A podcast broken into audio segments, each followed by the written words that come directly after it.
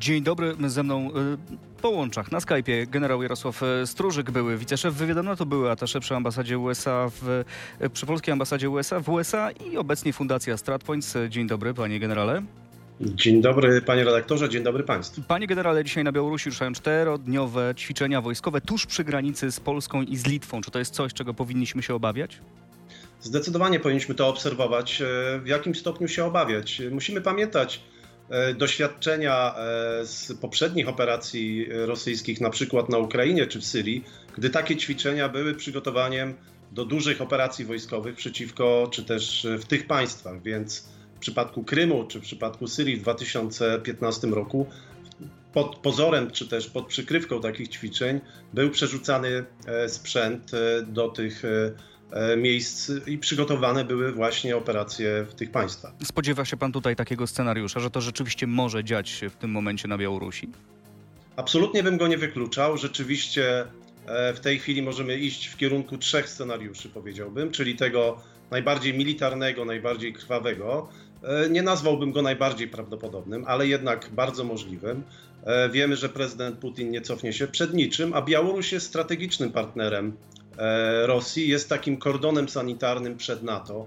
E, oczywiście nie zależy Rosji na e, rewolcie, na jakiejś rewolucji, ale jednak na pewno nie odda Białorusi powiedzmy państwom zachodnim.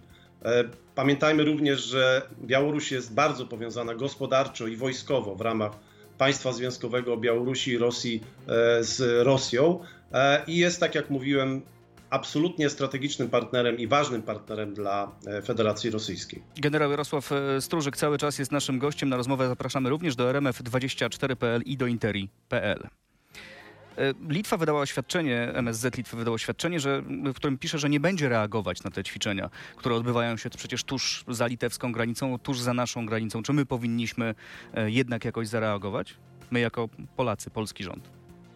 Na pewno powinniśmy jako siły zbrojne, jako państwo obserwować te ćwiczenia i przewidywać dalszy, dalszy ich przebieg, czy też rozwój e, wypadków. A Rada Bezpieczeństwa e, Narodowego Natomiast powinna tak, się zebrać? W kategoriach państwowych, e, no myślę, że jeżeli to są ćwiczenia, które będą wykraczały poza konwencje wiedeńskie, poza 12,5 tysiąca żołnierzy, co jest raczej pewnikiem, możemy oczywiście wyrazić swoje zaniepokojenie, że takie ćwiczenia nie zostały zgłoszone mamy ku temu narzędzia e, i powinniśmy ich używać jako Polska, jako pełnoprawny członek NATO. Najważniejszy e, w tym rejonie i najważniejszy co do konsekwencji ewentualnego, ewentualnych działań zbrojnych na Białorusi. Mówi Pan o, o, tym, że jesteśmy pełnoprawnym członkiem NATO, najbardziej narażonym na e, tutaj niebezpieczeństwo w tej sytuacji. To czy może w takim razie powinna zebrać się w trybie pilnym Rada Północnoatlantycka? Zdecydowanie tak sądzę. Powinniśmy używać e, wszystkich narzędzi natowskich, w tym przypadku również Rady Północnoatlantyckiej NATO, czyli e, w ramach na przykład e, artykułu 4, czyli prośby o tak zwane konsultacje, powinniśmy domagać się takiego spotkania, które oczywiście ma wymiar w dużej mierze propagandowy, i, i, ale jest takim ważnym sygnałem, że NATO istnieje, działa i nie jest na urlopie, co jest e, dość bardzo możliwe w przypadku wielu urzędników natowskich i unijnych e, w sierpniu każdego roku. No, nie wydaje się, że NATO jednak w pewien sposób milczy teraz na temat tej sytuacji, przynajmniej w takiej przestrzeni publicznej. Zbyt głośno tego głosu nie słyszymy. Tak, zgadzam się. Z mojego doświadczenia wieloletniego w Brukseli wynika jednoznacznie, że w sierpniu wszystkie organizacje brukselskie, że tak powiem, E, są w takim stanie uśpienia. Było to przecież e, jednoznacznie widoczne również w 2008 roku w przypadku agresji e, Rosji na Gruzję. Więc mamy tutaj pewien pokój, niepokój, powiedzmy, czy też powód do zaniepokojenia. Czy NATO jest w takim, powiedzmy, trybie rzeczywistego działania i przygotowane do, do działania? Jest to, uważam, i historia zna takie przypadki przecież wykorzystywania pewnego uśpienia i pewnego pewnych wydarzeń świątecznych do atakowania innych państw. Więc tutaj Putin, jak mówiłem, jest mistrzem wykorzystywania każdej okazji i nie wykluczałbym również e, pewnego napięcia sytuacji, również z jakimś użyciem niewielkich e, podmiotów czy też niewielkich oddziałów sił zbrojnych e, rosyjskich, również takich jak na Ukrainie, czyli w trakcie działań hybrydowych, czy bez pokazywania przynależności do Rosji. Krótko mówiąc, nie mówimy tutaj o jawnym zaangażowaniu militarnym, ale takim zaangażowaniu raczej pod progiem jawności, tak? Dobrze rozumiem? No zdecydowanie. Dzisiejsze, dzisiejsze doświadczenia wielu konfliktów pokazują, że takie działania pod progiem wojny są znacznie skuteczniejsze niż jawne e, działania e, wojenne. Więc Rosja też na tym etapie, pamiętajmy, obawia się kolejnych sankcji przeciwko Rosji. E, to zawsze jest pewna gra i pewnym, gra na pewnym ryzyku. Ale tak jak mówiłem, Rosjanie pod batutą Putina są mistrzami pewnych działań E, wykorzystywania każdej luki, każdej sposobności do rozpychania się na arenie międzynarodowej. Ale najważniejsze w tym przypadku jest jednak to powiązanie Białorusi e, z Rosją, powiązanie wojskowe, e, które jest najwyższe, największe od bodaj ponad dekady.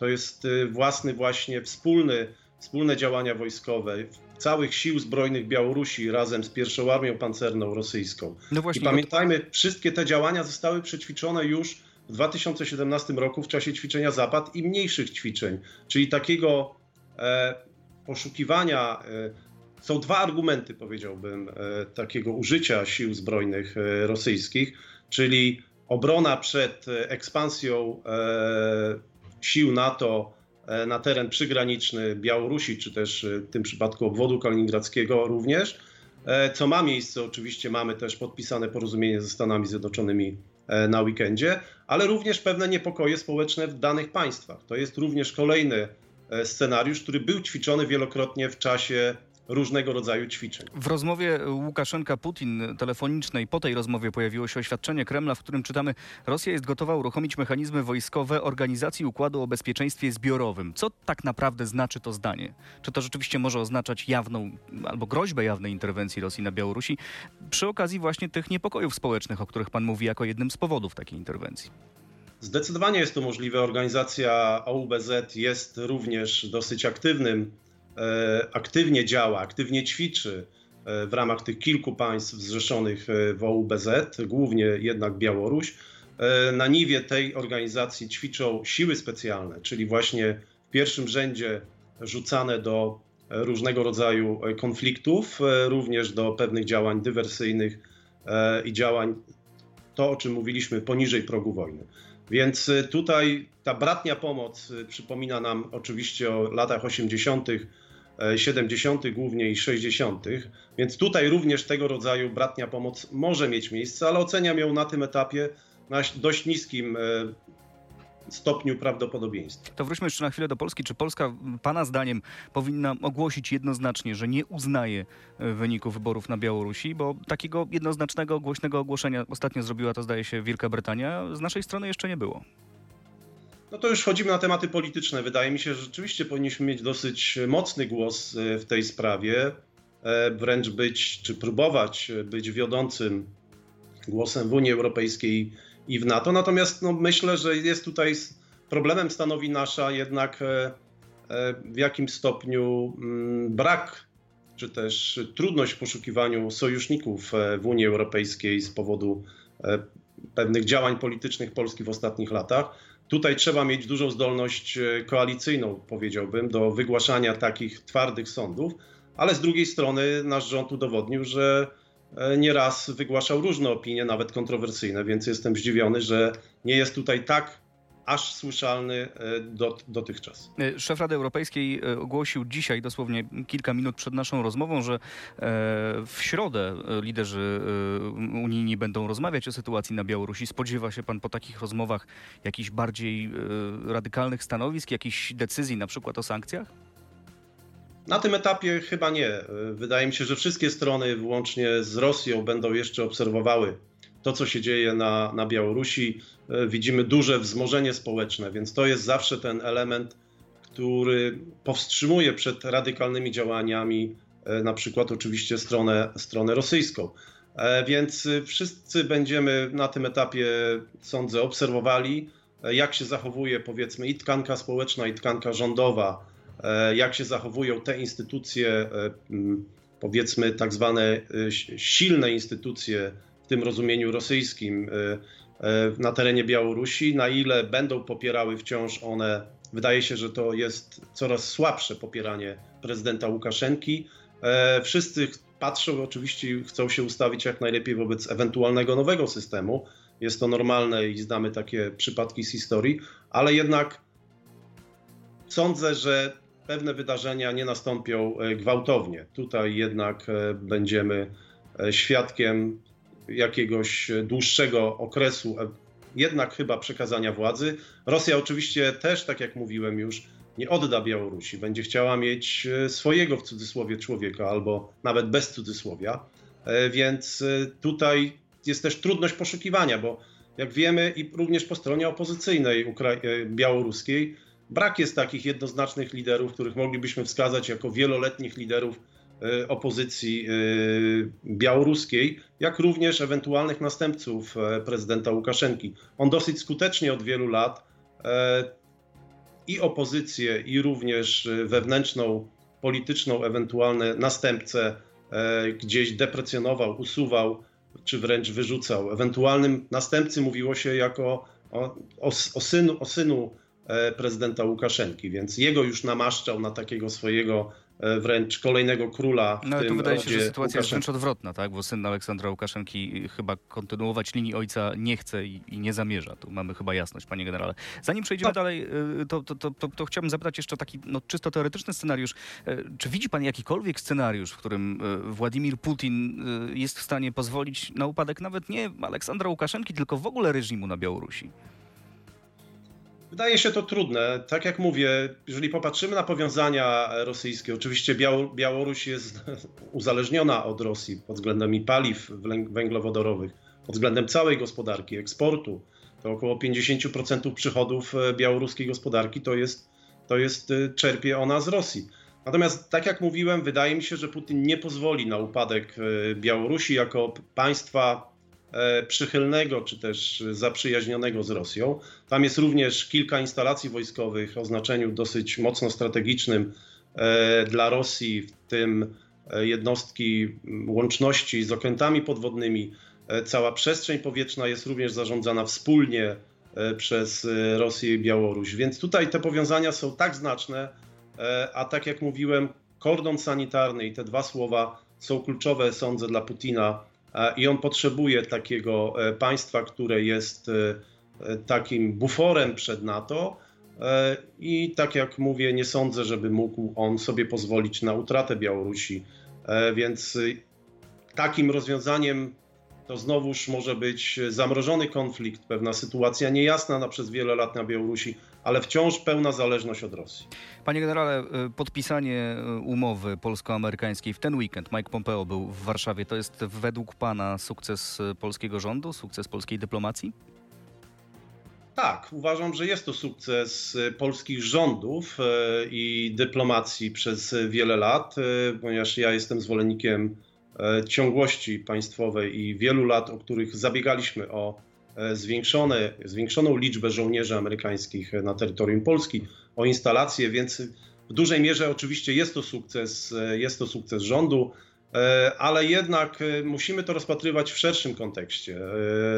Również i mówiliśmy wielokrotnie o wycofaniu żołnierzy amerykańskich w dużych liczbach, czyli 10 razy więcej, 11 tysięcy żołnierzy wycofywanych, dokładnie 11,5 z Niemiec E, a tu mówimy o zwiększonej liczbie żołnierzy, e, tysiącu żołnierzy amerykańskich w Polsce.